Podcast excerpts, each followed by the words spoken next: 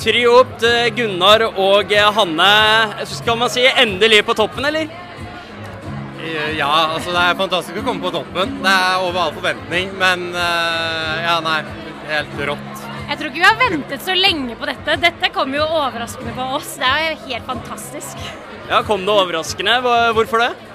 Altså, vi vet jo at vi gjør Vi har de beste folka. Vi, gjør, vi jobber beinhardt døgnet rundt til tider. Men Det var, altså det, var, det var veldig overraskende for to år siden da de debuterte på en tredjeplass. Da var vi ikke klar over hvilken kategori vi var i engang. Eh, og så er det en knallsterk bronse.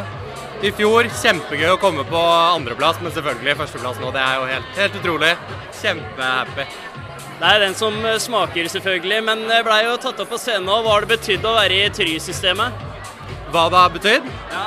Nei, altså Vi er jo eh, vi er et system som er veldig opptatt av at folk skal ha det bra, og det passer godt med vår filosofi også. Vi har lyst til å skape den beste arbeidsplassen for flinke, kanskje særlig unge mennesker i systemet i Tryopt. Så vi har henta mange talenter rett fra skolebenken bl.a., som har vært hos oss nå i seks, sju, åtte år, som bare ah, Nei, dette er en teamseier, virkelig. Hvordan vil eh, du beskrive denne reisen?